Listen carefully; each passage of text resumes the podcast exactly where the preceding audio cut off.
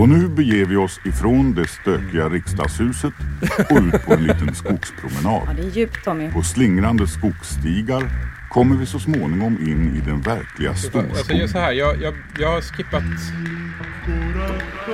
Jag tyckte att det blev så tråkigt med, med signatur. Ragitskogsenarnitso och över blommande ängar in separate beds with separate partners. We took our love outside today. Alltså, jag vet inte, någonting sånt där Så i fint. början. 50 spänn. Det här är DJ 50 spänn. En oas för oss som tycker att det är viktigt att musiken är billig. Det finns vissa grundlagar i det här hemmasnickrade universat.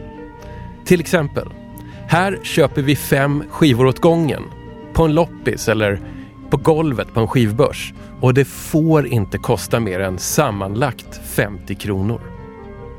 Jag heter Tommy Jönsson och det är jag som är kejsaren i det här 10 kronors vinylimperiet.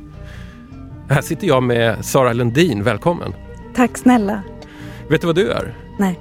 Du är den magiska rösten. 21.44. Kvällsrond avslutad. Inga störningar vid perimetern.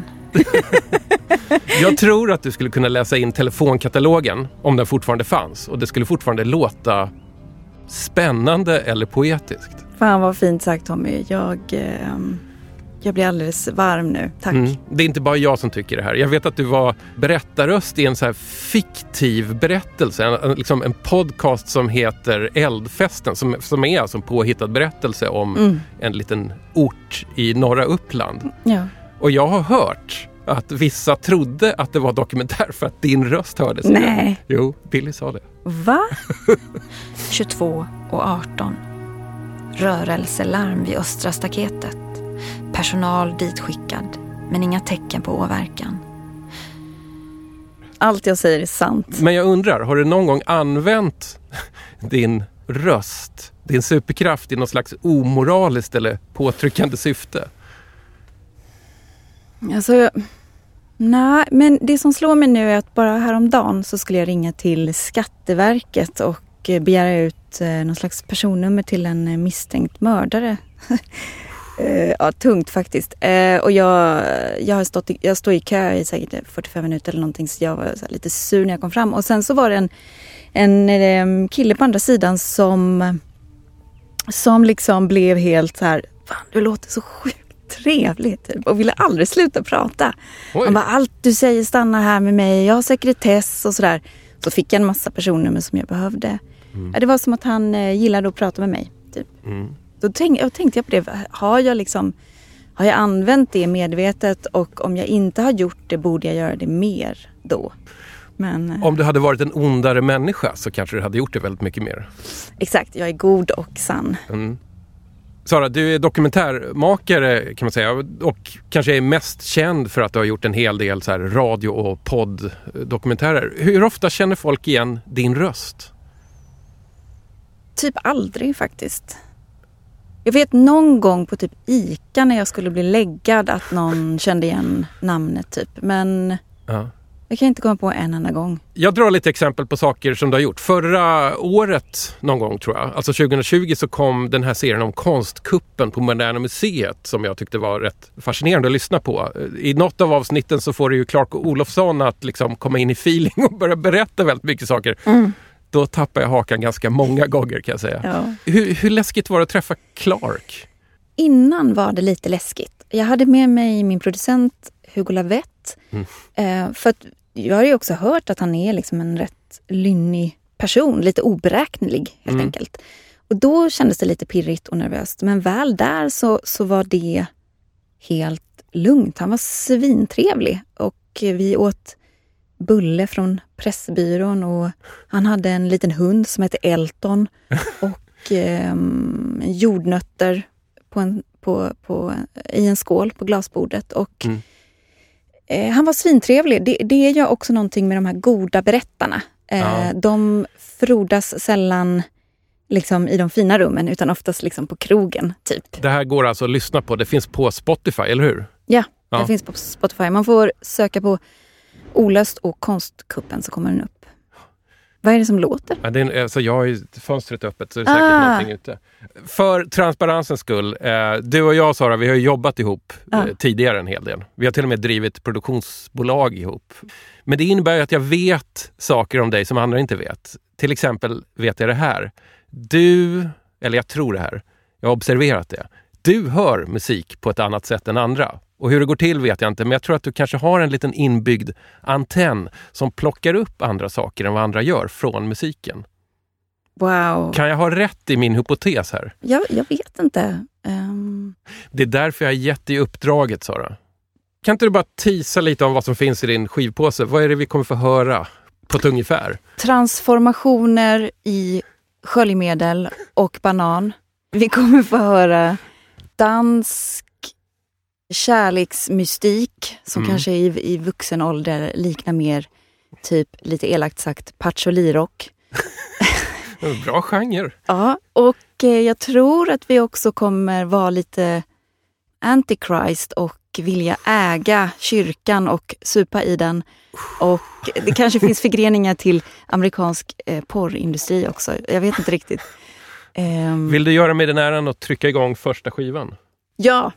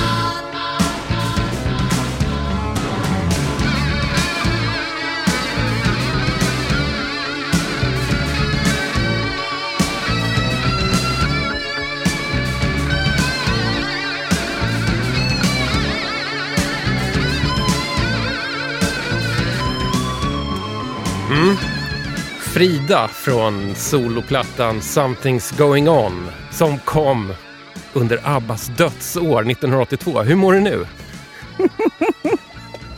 Underbart! Det är ju en fantastisk låt. Eh, jag älskar de här introtrummorna och eh, Fridas röst som Mm. liksom flyger och ekar över, över de här töntiga riffen. Liksom. Och, eh, ja, men det, det är någonting, den är stor, den, liksom, den markerar. Ja, stor är den verkligen. Det, Mm. det är ganska kallt tycker jag det känns. Den är isig. Ja, jag förstår precis vad du menar. För det är ju någonting med den här skivan eh, som hon har gjort tillsammans med Phil Collins då. Mm. Eller hur? Han var producent. Ja, precis. Jag tror att det, det, det är någon mer ma- gubbe som också var producent för den här plattan, men det är ingen som minns hans namn. Så vi säger att det är proddat av Phil Collins. Stackars han. Jag alltså. vill gärna tro att det är Phil Collins som bankar på trummorna också. Men jag har för mig att det är det. Mm. Men de var ju båda eh, nyseparerade, eh, inte med, med varandra då, men eh, liksom när de gör den här skivan. Och jag tror att det är den iskylan du hör på något vis. Alltså den här laserblicken på en relation som, Ah. som var. Och eh, jag tror att det är så liksom med den här skivan, att den är gjord i någon slags upprättelse eh, efter en eh, liksom omvälvande separation. Sådär, att så här, återta sin värdighet typ. Alltså, Aha. I knew, jag visste, jag såg, jag är inte dum.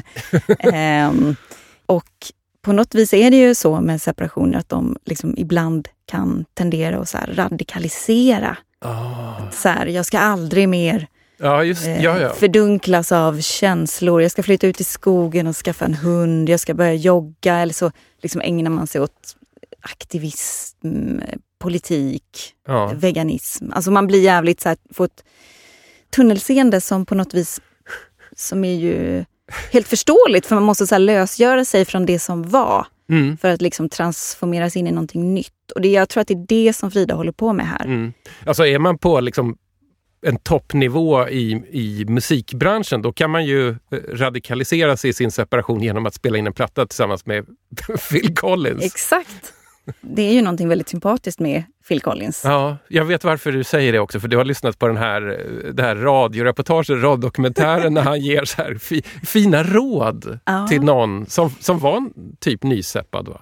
Ja, det... Eller olyckligt kär i alla Precis, fall. jag tror den heter Dr. Phil. Eh, det är en podcastproducent som numera är rätt känd tror jag. Stali... Klein. Ja, Kain eller någonting. Just det. Som var nyseparerade, eller nyseparerad och lyssnade på ballader och undrade varför de träffade en så starkt i hjärtat. Mm. Och så beslutade hon sig för att göra en egen ballad.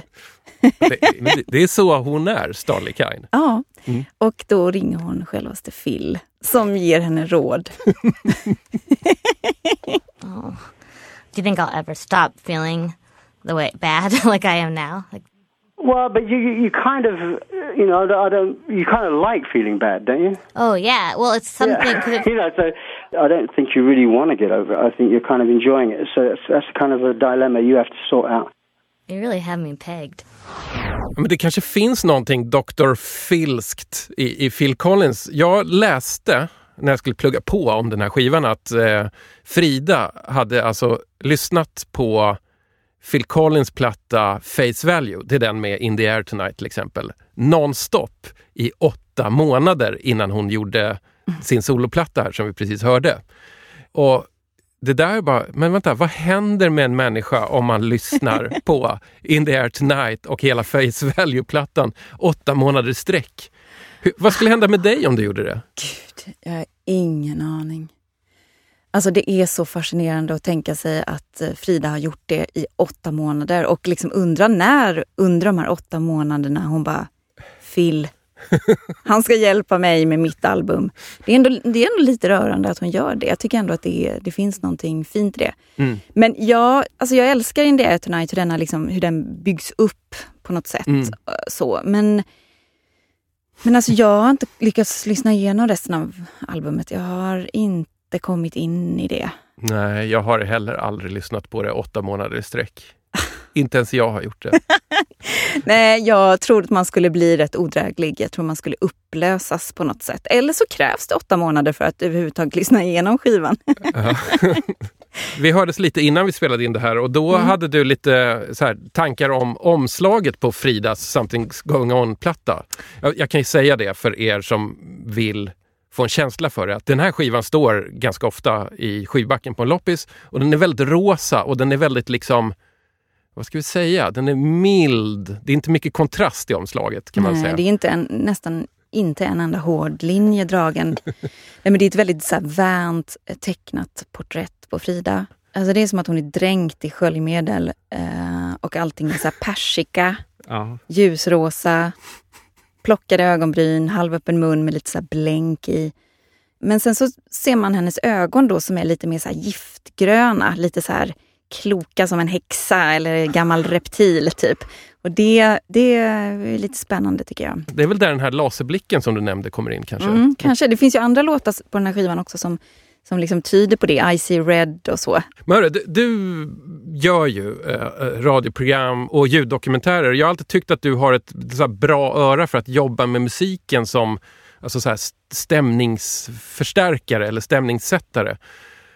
Vad för typ av story skulle man kunna ljudsätta med Fridas I know there's something going on? Det är rätt svårt i alla fall i podd och radiomakeriet att typ ha en sån sammansatt låt, en så här tight Ah. låt typ. Ehm, Jag tycker det. Och speciellt en låt som också är rätt eh, förknippad med någonting annat. Alltså ABBA eller, alltså det är li- Mm. kan vara lite svårt för att då tänker hela tiden folk så här, ABBA, Frida. och så står det i vägen för vad man kanske vill berätta. Ja, men det, det, den är också så narrativ på något vis. Ja. Alltså, när jag jobbar med musik så, så är det ju mycket glesare och lite så här, musik som kanske mer tenderar att vara någon slags rökmaskin, tror jag. Mm. Eh, det låter lite flummigt, men, men på något vis som kan accelerera eller stegra eller slingra sig. Sen kan Mm. man såklart använda sån här... Alltså det, är lite, det är ju svårt att riktigt så här, naila exakt vad det är, men, men ibland vill man ju använda musik som en transportsträcka i tid och rum och då kanske man mer använder eh, en annan typ av musik. Eller den musiken som man vill ha för att ana saker. Att liksom bara förstärka en känsla eller en andemening på något sätt. Du och jag har ju faktiskt många gånger pratat om redigeringsmusik. Ja. Ibland är jag nästan beredd att säga att det är en egen genre av musik. Ja. För det finns en del eh, instrumental musik som ofta är som du säger lite glesare som blir magisk Mm. först när den har andra ljud att lira med. Just det. Eh, och det är lite grann av en, en konstart att nosa upp sån musik. Mm. Eh, och jag, vet, jag kan inte riktigt säga vad det är som gör att det blir bra redigeringsmusik. Man måste jobba med händerna kring det. Det är liksom inte så lätt att säga alla gånger. Eh, Jag har till exempel ett eh, favoritband, höll jag på att säga. Det är väl en person tror jag som heter Forest Swords som jag tycker är svin, svinbra. Eh, Men jag har liksom inte lyckats få in det i något program eller i något ehm, eh, i någon serie eller så för att det är jag vet inte riktigt om det är just det där som jag är inne på att det är för sammansatt, det är för bra nästan. Man kanske skulle behöva plocka stems från det eller någonting. Mm. Men eh, ofta om man gör någon längre grej nu så man kan, inte, man kan liksom inte använda massa artister och sådär. Man får liksom vända sig till så royalty-fri musik ganska ofta om man inte har ynnesten att få, jobba med en kompositör. Ja, just det. Så, ehm, och i de fallen jag har gjort det så vill jag oftast ge dem typ en Spotify-lista och eh, då vill jag ofta ha med just Forest Swords. Ah, Okej, Ehm, ja. Jag, jag ja. fattar.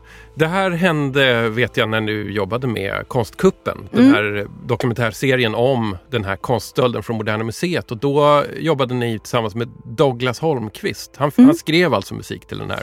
Otroligt lyxigt. Ja, alltså fantastiskt. Sen, eh, Vad sen, fick han på sin ljudmoodboard? Han eh, fick en eh, fantastisk kompositör som heter Shida Shahabi. Mm. Em, som jag lyssnade jättemycket på när jag satt och läste så här, knastertorra förhör. Um, eller kände mig uppgiven. Allting blev helt magiskt med hennes musik. Underbar. Så det fick han. Sen fick han också några låtar från eh, en skiva som heter Papa Rules med eh, Daniel Savio som är känd från din podcast, eller hur? Ja, till exempel. Eh, Alltså, eh, han gör ju egen musik som är någon slags elektro-hiphop ofta. Mm. Men alltså den skivan är helt eh, svinbra. Och jag vet inte riktigt hur, men jag liksom trillade över någon video till Masketang tror jag. Men en kille som liksom glider runt i skymningen med en folköl och dansar så jävla härligt. Och ehm, det var någonting med den stämningen som jag föll för när jag precis höll på med de här liksom killarna som, som rör sig i skymningen. En slags här dådkraft som fanns där som eh, sammanföll väldigt bra då. Eh, för att den här konstgruppen handlar ganska mycket om eh, rätt unga killar som rör sig i utkanterna av olika samhällsskikt. Jag vet att du sa någonting också om, om Rosa Pantern eller möjligtvis Jönssonligan-musiken också. Ja, han fick Pink Panther theme typ. Mm. Men alltså, hela den här konstgruppen har ju verkligen Jönslige-potential. Liksom. Ehm, helt klart. Så den hade han med. Det är oklart hur han inspireras av just den. Nu hamnar vi på en annan plats och det är som det ska vara i DJ 50 spänn. För de här skivorna som kostar 10 spänn styck som gästen har med sig är egentligen bara luckor in i andra världar och andra sammanhang. Fan flummig jag är idag förresten. Men vi ska fortsätta in i den skandinaviska vuxenpoppens värld. Vi ska längre in i den. Nostalgiköpet.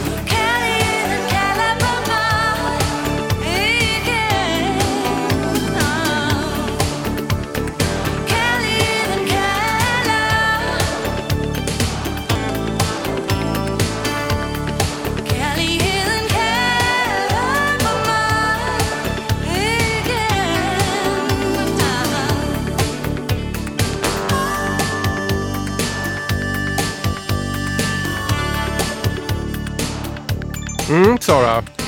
Här har du som ditt nostalgival så har du tagit med dig Sanne Salomonsens platta Sanne. Och det är fan en historisk skiva, vet du det? Är det det? Ja. Första danska albumet som toppade den svenska albumlistan. Och jag tror faktiskt inte att det har hänt igen. Men det är The Power of Sanne Salomonsen tror jag vi kommer prata om nu. Och om jag har fel om det här med att det kanske har kommit flera danska album som har toppat den svenska albumlistan. Om jag helt enkelt har fel, Då kan du som lyssnar dra ett mejl till hej dj50spann.se så kan ni skälla ut mig eller vad ni vill. Men eh, Sara, när, var och hur mötte du Sanne Salomonsens musik egentligen? Ja, vad kan jag ha varit? 11 kanske? Eh, och det blir typ 1990 eller ja, när den här skivan kom ut. Eh, Ja, den kom 89 så 89, Det, det mm. var nog den här då. Och jag har ett minne av att jag hemma hos min syster som är 18 år äldre och bodde inne i stan med en kompis. Och liksom, jag vet inte om vi väntar på skjuts hem till vår lilla förort eller hur det var. Men, men jag har liksom en tydlig bild av att jag sitter på golvet eh, vid sängen. Hon har någon sån här beige, fransigt överkast och så tittar vi på det här stora eh, ansiktet på Sanne, liksom på konvolutet. Och eh, att det var någonting så förvildat med Sanne som var jävligt härligt att se. Mm. Alltså en typ av kvinnlighet som eh, jag tror vi båda drogs till. Liksom. Alltså läppstift och läder. Så. Vet du vad jag ser framför mig? För min inre syn varje gång jag hör Sanne Salomonsen. Nej, berätta. Jag ser tajta, knallröda läderbrallor med lite bootcut.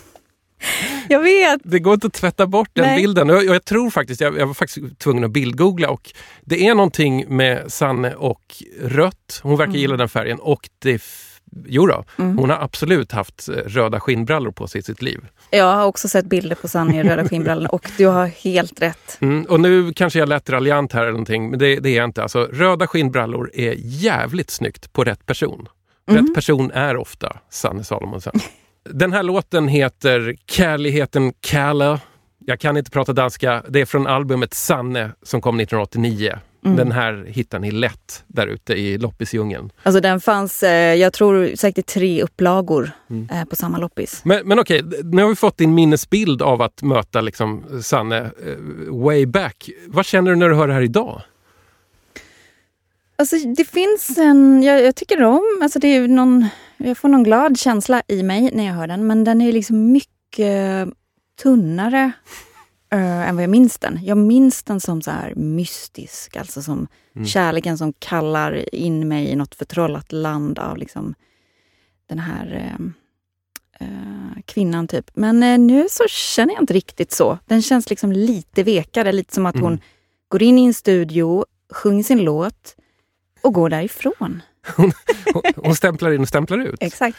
Nej, men det är sant. Det är ju en, det är en liksom radiopoplåt och den mentala bilden kanske är att hon är lite rockigare och rivigare. Eller på något sätt lite mer mystisk. Så här. Kärleken kallar och jag är som i trans. Alltså att det skulle finnas någonting mer insugande i det på något sätt. Men nu känns det som att, liksom när jag lyssnar nu med vuxna öron, som att så här, jag går in, jag gör mitt jobb, jag gör det med glädje, men sen går jag därifrån och njuter av livets goda. typ. Alltså det är lite så här, nu kallar jag lite raljant för eh, patchouli-rock här medan vi lyssnar på låten. Eh, men det är lite den känslan jag får nu. Har inte du sett Sanne i levande livet någon gång? Jag eh, brukar alltid få liksom, en biljett till Bardrock när jag var liten. eh, Bardrock är då Björn Skifs eh, eh, samling musiker som han körde om somrarna. Eh, eh, ett exempel är i Borgholms slottsruin dit vi åkte då på min födelsedag Mm. om kvällarna. Och det var, det var jävligt mäktigt faktiskt att få åka till slottsruinen på Öland och eh, titta på liksom den här borggården i skymningen och rökmaskinerna som spred ut sig och typ så här kungafamiljen som stod i en liten glugg och vinkade. Just det, de är ju på Öland på sommaren. Ja. Öland är den kungliga ön. Exakt. Men konstigt nog så minns jag liksom mer bilden av bilparkeringen på allvaret med alla så hundratals bilar i skymningsljus än vad jag minns själva konsertupplevelsen. Ja, liksom. ja, ja. Mm. Mm. Men då vet jag i alla fall att Sanne var med där. Eh, och sen så, hon var ju gift med Mats Ronander som också var inblandad i Bardrock en hel del. Och när jag var liten så um, har jag ett minne av att jag är och badar med, med mina två bästisar och eh, så kommer min kompis pappa och hämtar oss på stranden. Eh, Mm. Vi hade badat precis vid liksom brofästet på Öland. Typ. Han kom och hämtade oss i en, i en främmande bil, en jättestor fin ljusgrå bil som luktade fräscht. Typ. Då var man så här van vid så murriga gamla Volvobilar. Eller jag var det. Ehm, och han säger att det är Mats Ronanders bil han kommer och hämtar oss i. Oj, Ja, det var lite oväntat och eh, det, då berättade han varför. Jag, jag vet inte om han var någon slags chaufför till Mats Ronander eh, eller riktigt hur det kom sig. Men han berättar i alla fall att han har placerat Mats Ronander i en pool på Mm. ett hotell. För Mats Ronander är så jävla full oj. Ja. eh, och behöver nyktra till. Så han Mm. har liksom satt honom eh, i en pool. Det låter ju livsfarligt nu, men jag, han kanske var jättebakis, jag vet inte. Men det var någonting Mm. någonting som handlar om att driva ut alkoholen ur honom.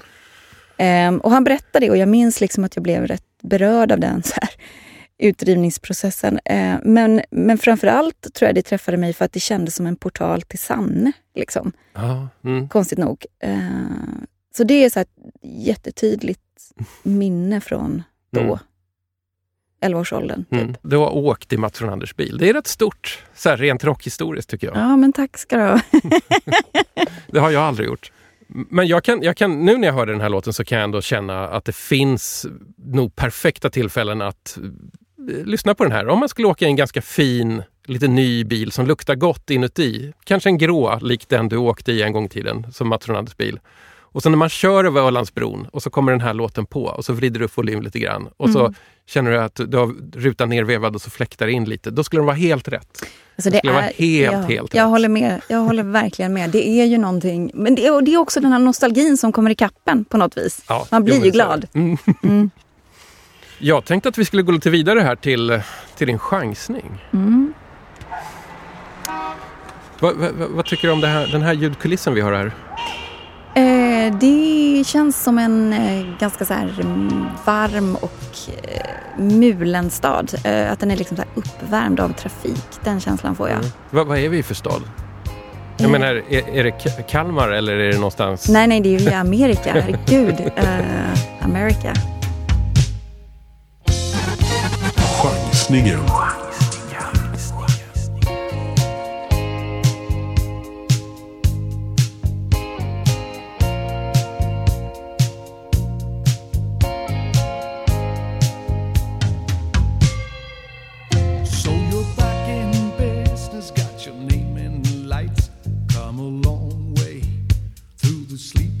Nights. You got pull out pictures in the magazines. Take the hot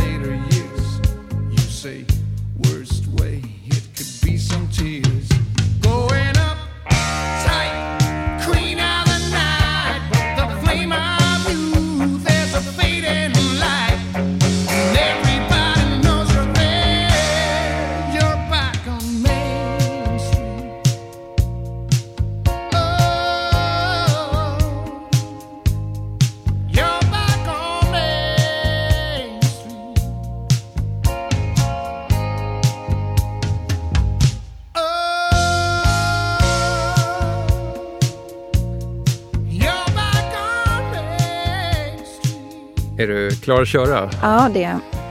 Det vi hörde var Skiffs med Z, eller Gives, eh, med eh, låten Main Street. Mm, från albumet Skifs, Skiffs. Ja, Jag vet inte hur det ska uttalas. Men alltså, det är Björn Skifs, det är en badrock connection. mm, det föll sig så Ja. alltså. Jag gillar ju Björn Skifs väldigt mycket. Jag gjorde det också som barn Mm. mycket.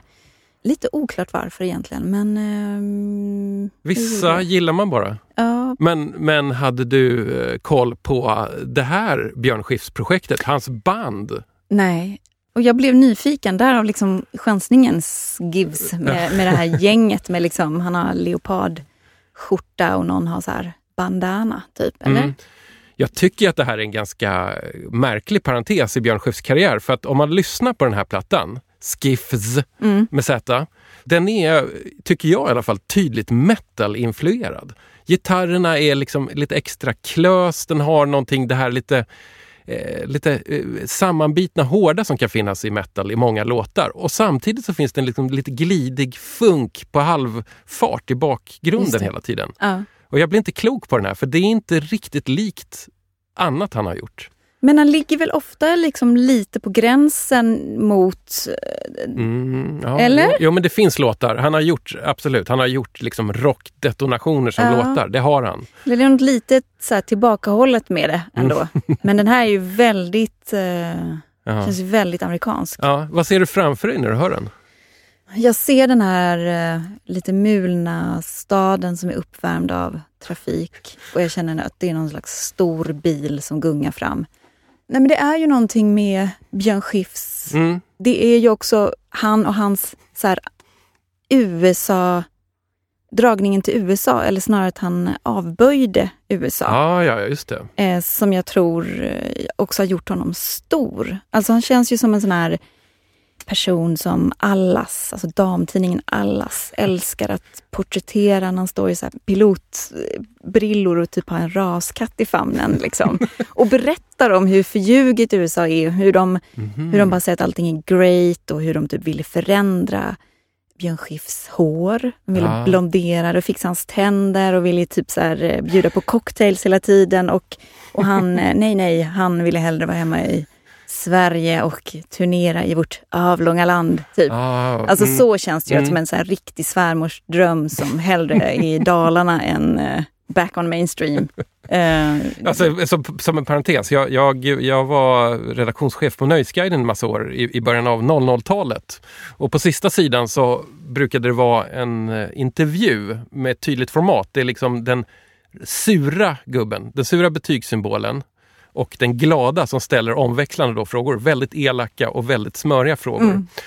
Och då skulle jag göra en sån här intervju någon gång just med Björn Skifs som hade släppt en skiva då som hette Back on Track. Åh! Jag snackar 2001, 2002 någonting och sådär. Och så ville vi väldigt gärna vända på bilden av svärmorsdrömmen eh, Björn Skifs. Så vi försökte liksom pitcha olika idéer. Så här, kan du se lite elak ut? Så här, kan, du, kan du strypa en katt? Kan du, kan du göra något ondskefullt? Han vägrade. Han kunde Ja. gå så långt att han eh, liksom lite skämtsamt och väldigt överdrivet ströp en nallebjörn. Herregud. Det var så långt han kunde gå på liksom ond-skalan. Ja. Till och med liksom i ett tydligt Ja. paketerat, det här är på skoj-format. Nej, men nej, jag, jag tror typ att det värsta han har gjort är att backa på en Rolls Royce. Liksom. jag tänkte på liksom en grej, det är ju kul. Jag jobbar ju med dokumentärer och då är det väl, liksom alla gillar ju att komma bakom, eller så att Ko- Komma bakom fasaden. man gillar, alltså det som är relevant är ofta folks baksidor liksom, Mm. och, och tvivlet och det Mm. som är Men Jag undrar ju om Björn Skifs har överhuvudtaget en baksida. Han kanske inte har det, men det är roligt att tänka på att en av hans låtar som heter Firefly, Ja, den är underbar. den har tydligen varit soundtrack till en hårdporrfilm. Jag, Obs! Jag läste detta i en kvällstidning. ja, men jag, jag känner igen det här. Alltså han var, Hur gick det till? jo, men han var kompis med, eller han är kompis med Lenny Norman, Mm. som också var med på badrocksgrejen. Och eh, han, eh, Lenny Norman, då ringer Björn Skifs och säger så här, fan du måste komma, typ. Björn Skifs åker dit och Lenny Norman sätter på porr. och enligt Björn Skifs då så säger han så här, men vad, vad fan Lenny, drog du hit mig för att titta på porr? Nej, nej, nej, men hör du inte? Så här, hör du inte? Och då är det liksom Firefly i bakgrunden på den här porrfilmen. Ehm, och ehm, då liksom sa han att han hade försökt ta reda på vad det var som hade hänt men Mm. att eh, hans skivbolags advokater hade sagt så här, gör inte det, backa liksom för att den här, eh, den här porrfilmsindustrin, det är liksom, det är maffia. Den vill man inte ha att göra med tydligen. Mm. Då, han, han får frågan i tidningen så här, men, men de kanske hoppades att det skulle passera, att ingen skulle märka att man Ja. tar hans låt och stoppar in i en, en hårdporrfilm. Mm. Eh, och då vet jag att han sa så här, nej, nej, det var väl ingen som trodde att vi killar från Nordpolen skulle märka det typ. Men då känner de inte Lenny Norman. Taskigt att lämna ut honom. Så. men, nej, men det är väl liksom det Ja, som man kanske kan hitta då. i form av smuts, Ja, av dirt. precis, Mm. precis. Och då är det olovlig användning av en av hans kanske bästa låtar. Ja, och då framstår han ju kanske ännu mer som en slags helgon på något sätt. Mm. Som att så här, krafterna finns runt honom, men han står pall för dem. På något Ja. vis. Vet du vad jag tänkte på? Det här är lyxmusik, brukar jag kalla sånt här. Det är, det är väldigt snyggt lirat och snyggt proddat och det låter proffsigt, det låter amerikanskt och allting Mm. sådär. Förra plattan var en slags skandinavisk vuxen eh, musik med liten lyxtouch och första skivan som vi körde, Frida, There's Mm. something going on, det är, det är überlyxmusik på något sätt. Alltså i fråga om så här, det låter dyrt. Ja. Eh, tre av fem, alla så här långt av dina fem skivor är skandinaviskt 80-tal med en liten touch av lyx. Varför blev det så? Ja, varför blev det så? Jag vet inte riktigt. Jag var på en loppis där jag tycker att det var väldigt mycket svensk lyxpop. Fan, jag vet inte riktigt varför det blev så. Det kanske är jag som önskar att jag var lyxigare och vuxnare. Jag vet inte. Det känns som att vi kanske återkommer till det här ämnet men jag tar chansen att fråga nu för att jag- jag nämnde tidigare att vi har jobbat ihop och Mm. Jag anade att du kanske hör musik på ett lite annat sätt. Och jag kan faktiskt minnas första gången som jag lyssnade på ett radioreportage som du hade klippt ihop. Vi gjorde ett program för jättelänge sedan som hette P3 Kultur. Mm. Johanna Collin var programledare men du gjorde reportage och jag minns att första, och jag skulle producera det här jag kände inte det alls. Mm. Och jag minns att första gången jag bara skulle lyssna så minns jag att jag var så här att jag satte lurarna på huvudet och så kändes det verkligen rent fysiskt som att jag gick in i en annan värld. Det var så mycket atmosfär. Mm. Och då var det bara atmosfär både i form av liksom miljöljud Mm. och så kom det små musikdelar som smög upp och ner. Det kom små detaljer, så här fjong någonstans. Och jag bara tänkte, vad fan är det här? eh, och jag hade aldrig hört någon som hade jobbat på det sättet. Jag hade bara hört liksom reportageprat, intervjuklipp, prat, intervjuklipp, kanske liten trudelutt Mm. någonstans. Eh, hur märkte du att det här var din grej, ditt uttryckssätt? För mig så var det nog att det började med att jag ville hålla på med fotografi eller bild på något Mhm. sätt. Eller skriva. Mm. Och jag tror att radio blev ett, en kombination av de två sakerna. Det låter lite så här klyschigt kanske, men när, när radio, som det var då på den tiden, var inte innan podd, så, så är det ju, när det är som bäst så är det ju liksom väldigt visuellt. Mm. Och att det finns ett väldigt, det är liksom ett väldigt hantverk. Även om man inte sitter och klipper i rullband så är det liksom ett väldigt Mm. hantverk. Och det är väldigt mycket form Mm. och rytm och ehm, takt och ton på något sätt. Så, Mm. det är inte bara att lägga information på rad. Liksom, utan i alla fall inte om man ska jobba med, med det som jag gillar att jobba med. Nej. Som är liksom lite mer gestaltande. Det är skillnad att jobba, när man jobbar liksom musikaliskt. Det måste man nästan göra om man ska göra så här långa grejer. Det är väldigt svårt att ha Mm. eh, att inte ha mellanrum eller sådär. Mm. Och eh, Det blir också mer intressant om det är saker man kan ana mellan raderna eller, giss, eller liksom fylla i själv med, med sin föreställningsförmåga. Typ. Ja, det där är svårt, har jag märkt när jag har gjort radioprogram, att, att eh, inte berätta för mycket heller. Ja. Alltså, i, reflexen i kroppen är att jag ska berätta allt. ja, precis. Men, det, det måste men, man, men, men då blir det ofta olyssningsbart. Precis, men ofta måste man gå igenom den processen Ja. och liksom göra det jätteduktigt och ha med allt och vara så redovis, redovisande person. typ. Och sen kan man börja plocka bort. Ah. Men sen Mm. tycker jag också att man är rätt piskad av beställare. Ja. Att ha med allt och att det måste vara tydligt och att du måste förstå allt. Vem är vem och vad handlar det här om på typ tre Mm. sekunder. Mm. Liksom. Tänk om lyssnaren är på gym, har jag fått höra. Det gör ingenting om du är övertydlig. Men det är så, jag vet inte, man kan ju förstå saker på olika plan. Ja. Liksom. Man kan jobba väldigt mycket med stämningar och känslomässiga saker som ändå leder en in till Ja. faktan och det man vill veta snart. Mm. Men, och sen så är det ju rätt sjukt att sitta och ponera en lyssnare liksom, i olika situationer som man inte ens vet om den är i de situationerna när de lyssnar på ett sätt. Nej, det, det det- skapar en väldigt ängslig, ett ängsligt sätt att jobba. Det enda man kanske kan utgå från är att folk kanske inte lyssnar och bara lyssnar koncentrerat. Utan det är ganska ofta som någonting mer pågår. Ja, absolut. Man är på språng eller man Ja. går runt och sådär. Mm. Absolut. Jag tänkte på, på det för att eh, jag, jag minns att när jag lyssnade första gången och all, alla gånger jag har lyssnat på något som gjort så, så har jag liksom ändå fascinerats av hur du väver in musiken. Och då undrar jag så här, har du någon historia kanske om när någon slags musik som du skulle få in i den här berättelsen fick pusslet att gå ihop? Eller kanske sabbade allt?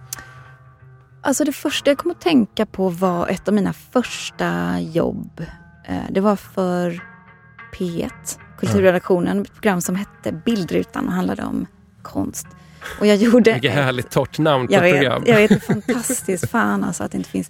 Men, eh, nej, men eh, jag gjorde ett porträtt på fotografen Diane Arbus. Mm. Korsklippt med ett av hennes eh, kända foton. Liksom motivet på ett av, en, ett av hennes mest kända foton som är en stor jätte. Jätten Eddie Car Carmel tror jag han heter. Eh, som Ah. står i sitt vardagsrum och liksom tittar ner på sina små föräldrar.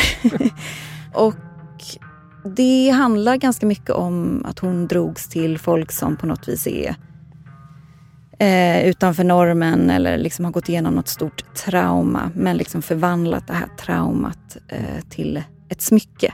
Mhm. Ehm, så. Och det är en ganska så här förtrollande stämning och, då, och samtidigt ganska så här smutsig och mörk och jobbig och liksom New Yorks skrymslen på något vis. Men i alla fall så då använde jag nästan uteslutande en skiva som hette, jag tror nu om jag minns rätt, att den hette Recordings of Music for Films av Vincent Gallo.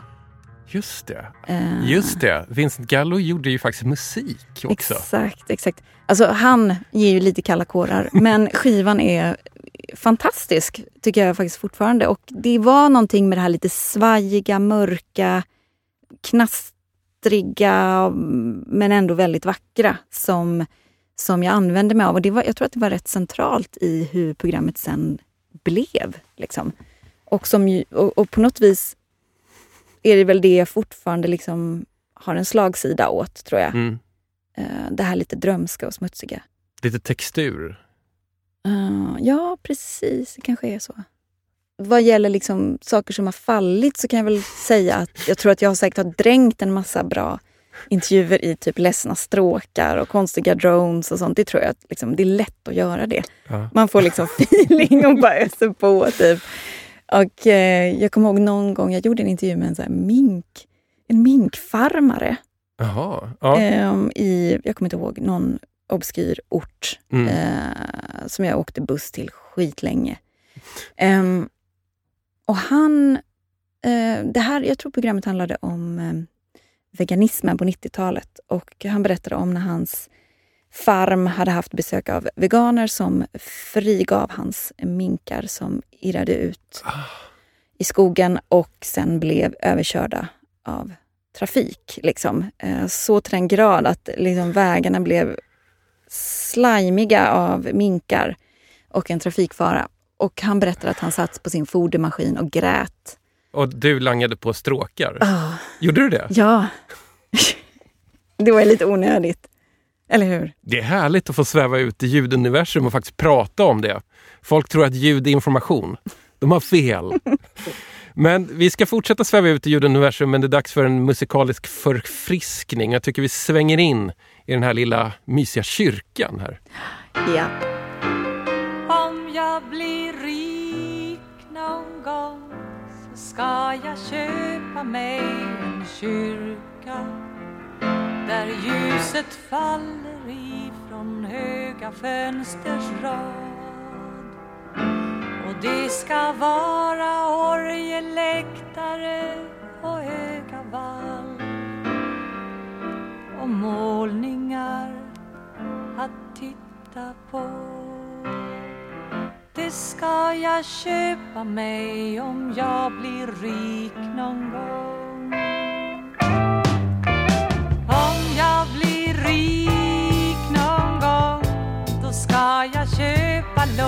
Madrassen. Jag såg i fönstret till en sportaffär igår. För den är vilsam, vattenstötande med plastresår.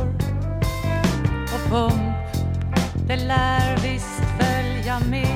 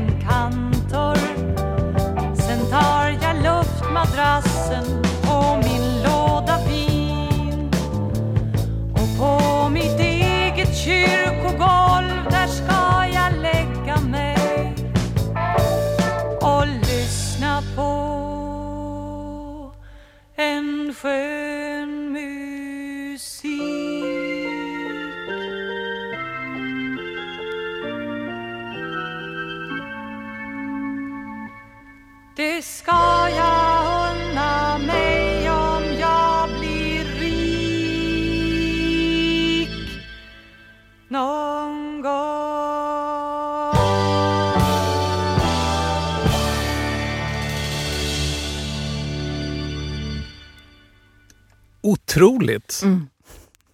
Det ska jag köpa mig med Lill Lindfors från den ljuvliga plattan Kom igen som kom 1973.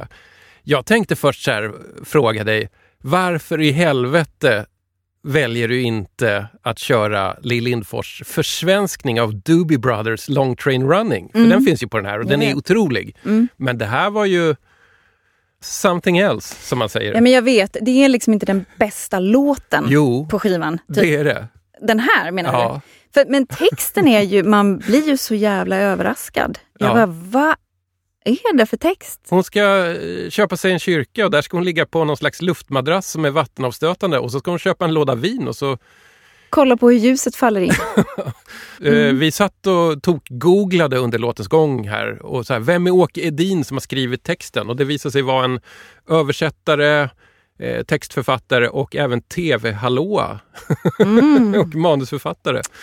Så det verkar vara hans fantasivärld. Det är hans verk. Eller så är det hans projicering av vem Lill Lindfors är. Ja, vi kommer aldrig få veta för Åke Edin är död sedan 1993. Ja, man vill ändå veta hur den här låten kom till. Ja. Du sa en annan sak förresten, precis när låten höll på att ta slut. Det här skulle kunna vara Frida Hyvönen. Eller hur? Och det tycker jag är, det är well spotted för att hon gör sån här musik. Hon gör såna här låtar. Hon Mm. gör såna här berättelser. Mm, exakt, den är så extremt stark i sitt bildspråk och det har det här liksom vardagliga om att det, den är vattenavstötande den här luftmadrassen men ändå är det något väldigt gudomligt över hela liksom, sättet att uppfatta Mm. rum och ljus och estetik. Ja, jag- jag är lite tagen faktiskt. Vad, vad, vad tänker, känner du? Alltså förutom att jag blev liksom väldigt överrumplad av den textmässigt och att den är liksom så stark, eh, en så stark eh, berättelse, liksom, så tänkte jag på det här med att musik som på något vis är arenan för att allt är möjligt eller för att allt är omöjligt, för liksom längtan, för eh, drömmar, för äventyr, för så här rock'n'roll typ, så är det så intressant att så många vill så här, köpa saker. Typ att det ska ske en transaktion. Typ jag ska köpa vingar för pengarna. Jag ska köpa en tyrolerhatt. Eller jag ska fan köpa en kyrka. Jag ska köpa en luftmadrass. Jag ska hyra en liten kantor. Till och med typ Gud ska köpa en Mercedes-Benz och typ en färg-tv till Janis Joplin. Det är liksom inte så att jag ska sno en jävla tv, typ. utan det är jag ska köpa nu här. Jag tar fram min lilla plånbok och jag ska köpa. Så. Ja, det, ja, det är jättekonstigt. Jag har aldrig någonsin tänkt på det här. Jag tror inte heller jag gjort det innan jag hörde den här låten och eh, blev tagen av, det är också intressant, nästan lite antichrist, att hon ska köpa Guds hus mm. till sig själv Ja. för att ligga och dricka vin i. Ja.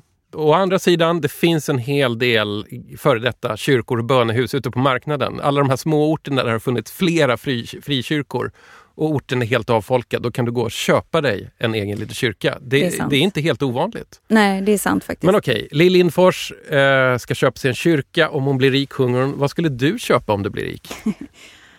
Eh. Alltså jag blir helt tyst. Nej men jag, jag, hon är ju något på spåren här. Hon vill eh, njuta av estetik och ta det lugnt. Mm. Och har man pengar så har man ju också ro att göra det. Ehm, och det är väl någonstans det som man vill åt. Eh, man vill dricka vin och titta på vackra saker. Jag tror väl att jag kanske skulle försöka köpa någon slags oas. Liksom. Mm. Alltså fan att det är en sån konstigt svår fråga. Det är som att så här, det jag vill ha är typ tid. Liksom. Det är lite det hon verkar ha köpt sig i den här låten. Ändå. Mm. Hon har tid att ligga där och göra ingenting. Nej men precis, och det är det som är så intressant också för att hon, om hon blir rik så, så ska hon inte så hasta iväg till någon trisslottstrand och så här, dricka kokosmjölk utan hon, hon, hon är så pass rik att hon är så här lugn att den delen av världen är kvar på något sätt, eller hur? Mm. Hon kan slappa och vara lite bakis efteråt för att världen är kvar. Det finns, med hennes rikedom så kommer det också någon slags tilltro till världen. Men Sara, du och jag är verksamma i en bransch där man absolut inte blir särskilt rik. Ofta så känns det ju som att när man jobbar med att göra radioprogram eller poddar och sådär så får man ju ofta den här känslan av att det inte riktigt går ihop ekonomiskt eller livspusselmässigt. Jag i alla fall är så att halva jag är hela tiden på väg att lämna det här. Det är bara att jag har inget bättre att hoppa över till. Men hur, hur kommer det sig att du har blivit kvar så länge i den här businessen? Suck. Eh, jag, jag har nog exakt samma, som, Mm. exakt samma grej som du har. Alltså det har varit en sån jävla brokig väg, fattig, Mm. eh, jättemycket jobb. Liksom. Jag tror aldrig jag gjort någonting som inte har varit övertidsjobb. Alltså på riktigt. Så. Mm. Det har alltid varit för lite tid. Mm. Ehm, kanske, jag har någon slags hatkärlek till det och kanske så har, är det väl precis som i ditt fall, jag har inte riktigt knäckt koden vad jag ska göra istället. Nej. Jag hade en period för några år sedan när jag sökte väldigt många andra jobb. Typ så här 20-30 jobb liksom och inte lyckades få något. Alltså lite mer så vuxna jobb som jag kanske egentligen inte ville ha heller. Nej, men, som kanske kände så här, får jag det här så är allting safe. Ja. Men eh, Ja. varför stannar man? Ja, det är en svår fråga. Men det, det är ju någonting... Alltså om man jobbat 20 år på det här också känns det liksom som... Det, det är inte pengarna som är det som har varit drivkraften. Sen är det ju någonting med det här mediet också som är, eh, som är svårslaget. Alltså det är någon typ av magi att så förändra gatorna man går på genom att jobba med berättelser, vad som har hänt på de gatorna Ja. innan. typ. Det är någonting, det är lite som så svinbra psykoterapi, typ. det blir som alkemi. Eh, att, att du kan liksom förändra världen eh, på ett plan, eller Ja. fördjupa världen. Vi ska gå vidare här. Mm. Slumpade du fram någon platta? Jag slumpade eh, och det slumpade sig så att det blev eh, eh, Joe Rankovic, eh, vad heter skivan? Ja, den heter Midnight in Moscow. Ja, Joe Rankovitz and his party band. mm.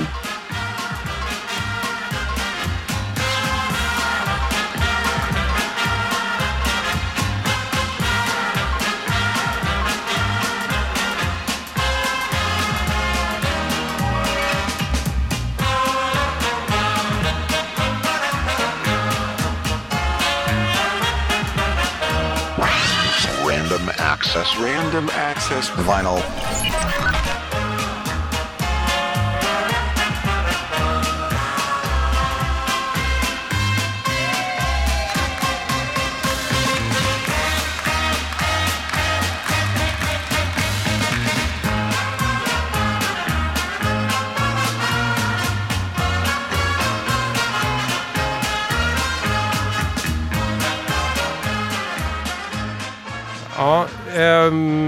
Sara, där tror jag att Kalinka slutade och vi gick in på nästa låt i det här partymedlet från Joe Rankowitz and his party band från plattan Midnight in Moscow. De har inte skrivit vilket år det här gavs ut, men det är, vi är någonstans på 70-talet när väldigt många ville låta som till exempel James Last eller eh, Frank Waldor eller liknande sådana här partyorkestrar eller vad jag ska Mm. kalla det. Alltså det är ju någonting väldigt ansträngt med det. Det är ju den typen av party som man har när skeppet sjunker. Liksom. Eller hur? Ja, det, det är ett desperat festande till, till liksom lite för käckt umpa-umpa-bit. Ja, det är lite för tvångsmässigt och liksom neurotiskt på något sätt. Men eh, ja, det är party i alla fall. Jag har försökt hitta någonting om Joe Rankowitz and his eh, party band. Jag, jag hittar liksom ingenting på just in, väldigt lite på det just det namnet, vilket får mig att misstänka att det här kanske är en pseudonym för någon annan. Ah, då gör det ju hela lite mer spännande. Eh, jag har inte heller hittat så mycket alls faktiskt om det här. Eh, om den här skivan. En del av mig misstänker att det kanske är Frank Waldor under pseudonym för att han spelade in väldigt mycket under pseudonym. Men vi, vi vet inte. Om någon vet, eh, upplys mig gärna. Hej snabel dj50spann.se adressen i så fall. Vi lyssnade på Kalinka här i någon slags tvångsmässig partyversion. Då. Så här, har du, associerar du någonting till den låten? När jag drog upp den här så, så var liksom min första tanke var li, liksom, lite fel. För att min första association var till filmen Mermaids med Cher, Christina Ricci och Fiona Ryder, konstigt nog. För att den börjar med typ att Fiona Ryder sitter och, och äter popcorn i soffan och tittar på um, någon nunnesång. Och i mitt huvud så sjöng de så här Kalinka, linka, linka. Men egentligen är det så här Dominique. Ja, alltså, just det, ja. Dominique, nicka, nicka. Dominique, nicka, nicka, s'en allait tout simplement. Det var liksom min första association. Det var ju helt, helt, helt fel. Ändå intressant. Den här Dominique, The Singing Nun. Mm. Det är en rätt intressant eh, artist. För att hon var verkligen en nunna från Belgien från början. Alltså hon är känd som den sjungande nunnan eller Dominique the Singing Nun. Eh, och 1963 så fick hon alltså en Billboard-etta. Sen blir man lite ledsen när man, lär, när man läser lite om henne. Man slår upp hennes Wikipedia-sida som är ganska kortfattad. Och då står det så här att hon hette egentligen Janine Deckers. Hon påträffades död tillsammans med sin väninna Annie Pescher den 31 mars 1985 i en bostad som de delade. Bägge kvinnorna hade tagit sina liv med hjälp av barbiturater, alltså så här, sömnmedel tror jag, va? och alkohol. Men gud. Det råkade slumpa sig så att för bara några avsnitt sen här i DJ 50 spänn så kom Kalinka upp här på en skiva. Eh, och den här låten handlar ju egentligen om skogsolvon, ett bär som växer vilt Mm. i skogen. Då hörde vi den med Röda arméns manskör och inte med något partyband. Nu fick vi partyversion här. Det känns som att vi kanske avhandlade det där ämnet med skogsolvonen, eller? Gjorde vi det? Ehm, ja, men ni, ni avhandlar det lite som en så fun fact, lite Ja. snabbt. Eh, men jag, eh, jag tror att det finns liksom mer att säga om det, för att det är ju någonting ehm, med Kalinka, alltså jag trodde ju först att det var någon sån här, att det handlade om någonting väldigt herraväldeaktigt. Liksom. Men eh, då i stil med den här Lill Lindfors-låten som vi tidigare hörde så handlar alltså Kalinka om att ligga och titta på vackra saker och så njuta av estetik och natur och små bär och så. Mm. Ehm, och det finns ju faktiskt något dramatiskt i det. Och det, jag tror att det ringar den inte riktigt in i Nej, ett samtal, nej. eller hur? Alltså att det, det, det är ju faktiskt en motståndshandling i något plan att sova och vila och bara så här, Ja. vara dekadent. Liksom. Mm. Kronblomaktivism. Ja, exakt, exakt. Eh, men det här bäret är ju liksom intressant därför att det sades bota allt ifrån epilepsi till hysteri och också motverka missfall och så. Aha. Så att, eh, det är ju någon slags hyllning till våren men det är också som att ehm, En hyllning till naturmedicinen. Ja men precis och också förutsättningarna för liv då. Alltså Mm. våren kommer igång och Mm. bäret finns och alla vet ju att våren gör ont och liksom alla blir nakna inför sina begär och alla blir Mm. galna och sådär.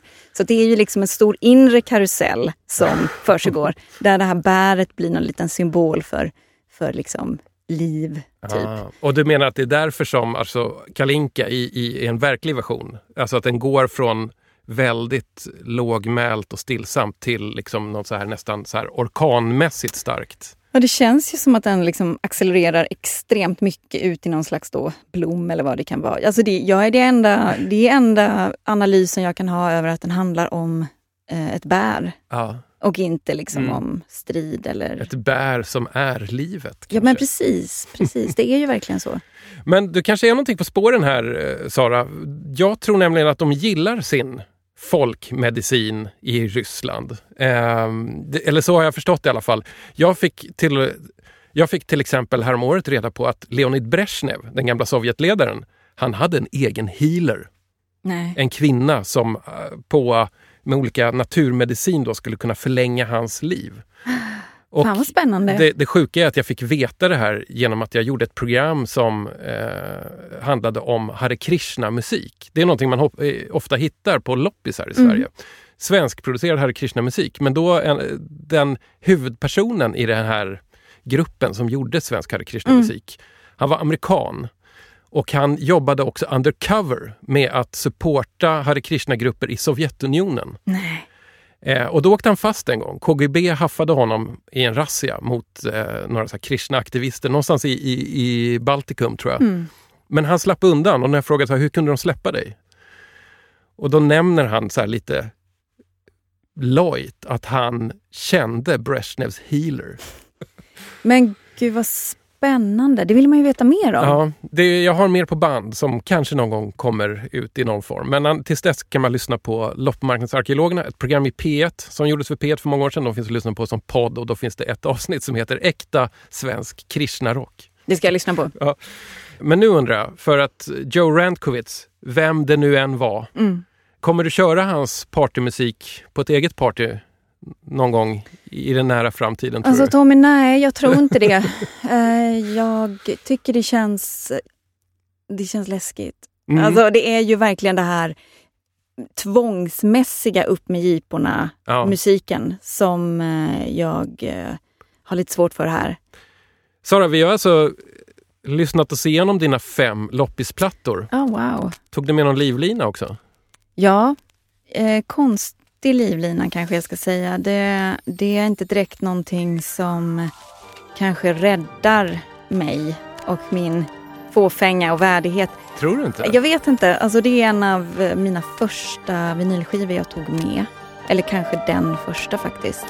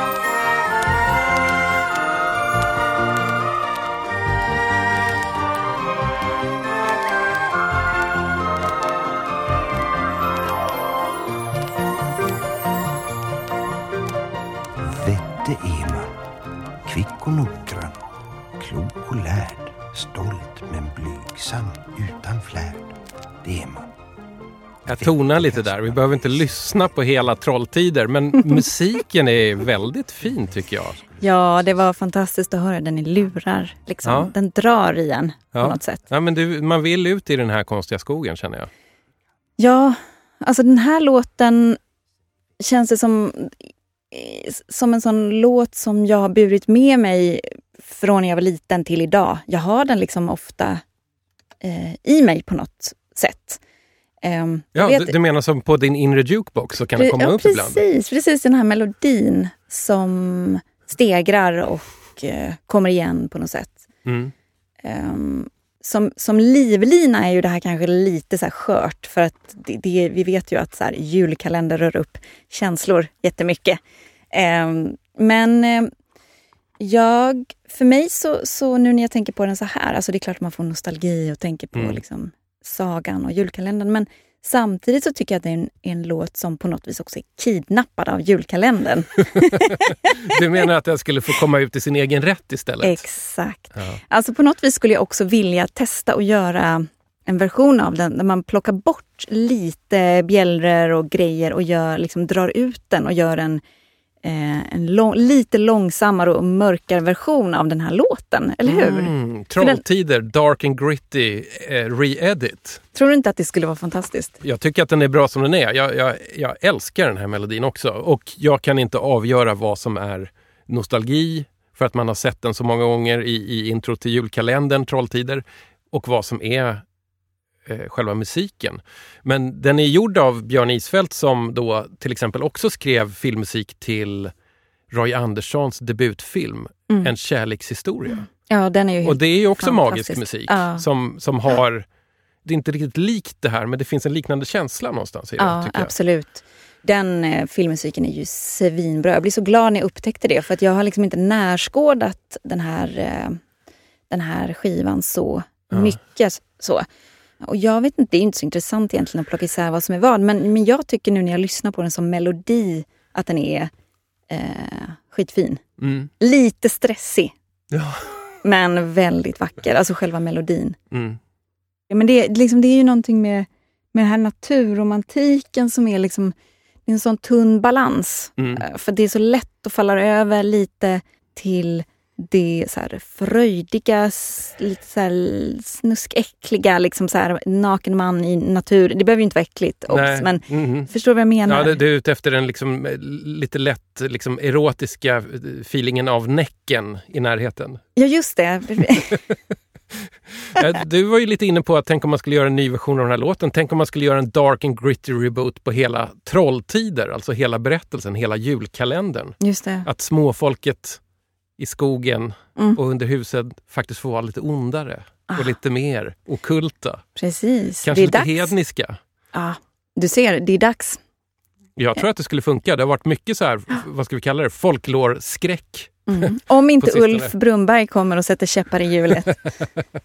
Du, du menar att, att, att han skulle göra det för att man pissar på något... eh, Ja, men han får ju såna utspel. Jaha, jag trodde att det bara rörde hans rätt att vara full ute på, till sjöss. Ja, men nya Saltkråkan har han ju liksom. Ah, ja, ja. Mm. eh, Det går inte att göra Nej. remakes och sådär. Sara, vi har liksom kommit ut på andra sidan. Det har blivit dags att utvärdera. Lärde vi oss någonting av att göra det här avsnittet? Ehm, Det är helt okej att inte lära sig någonting också. Allting är inte resultatstyrt. alltså jag är, jag är bara um, tagen av alla de här resorna på något sätt. Jag får nog smälta det lite för att, så, koka ner det till en läxa. Men ehm, vad lärde du dig? Jag fick en lite ny och gladare syn på så här, dyr skandinavisk vuxenpop. Tror jag. Ja, precis. En subgenre som jag eh, mer och mer växer ihop med känns det som. Jag hade inte heller tänkt på att det var så här vuxenrock, men det är det ju verkligen. Jag ska bara dra lite eftertexter här Mm. eh, och sen kommer vi avsluta det här Sara. Japp. Och nu vänder jag mig direkt till dig som lyssnar. Kom ihåg att DJ 50 spänn är en fristående och frifräsande musikpodcast som görs utan vinstintresse och utan några sliskiga kopplingar till musikindustrin eller storkapitalet. Jag som producerar och programleder heter Tommy Jönsson. Om du gillar vad du hör så blir jag oändligt glad om du delar länkar till mina avsnitt i sociala medier. Och jag blir ännu gladare om du sprider ordet om DJ 50-spänn rent muntligen. Det finns säkert fler där ute som skulle må gott av att få höra en riktigt nischad musikpodd med en väldigt låg prislapp. Kontakt? Jo då, man kan skriva till hej dj50spann.se. Det går också bra att interagera med mig på sådana här sociala medier. Och den här podden görs i samarbete med Rundfunk Media. Marcus pröjsar alltså STIM-licensen. Wow. Ja. Ett litet tack till min gamla cyberpolare Gunnar Lindberg Orneby för all digital hjälp. Och kom ihåg, det är mycket bättre att äga sin favoritmusik istället för att streama den. Och nu Sara, nu ska vi stänga butiken. Vet du hur vi gör det? Nej. Det blir faktiskt mer partymusik, jag är hemskt ledsen. Men det är lite mer classic partymusik. Det är dags för James Last. Underbart. Är det här någonting du kan ha, lägga på när du har party hemma? Den här hade ju något alltså. Den har ju lite dynamik. Det Mm. andra var ju bara samma. Ja. Samma. Sara, det var underbart att ha dig här. Tack för att du var med. Tack snälla Tommy, det var helt fantastiskt att få komma hit. Är det någonting du vill att vi ska ta om? Jag funderar på om, om det i början kanske... Ja, jag tänkte på det. Det var någonting... Ah, it's time to get those alien waistlines in shape. That's right. Want to do a nice, deep plie sitting position, tighten those little fannies. The ship is here. Keep twisting. That waist is so tiny. All the way to the end.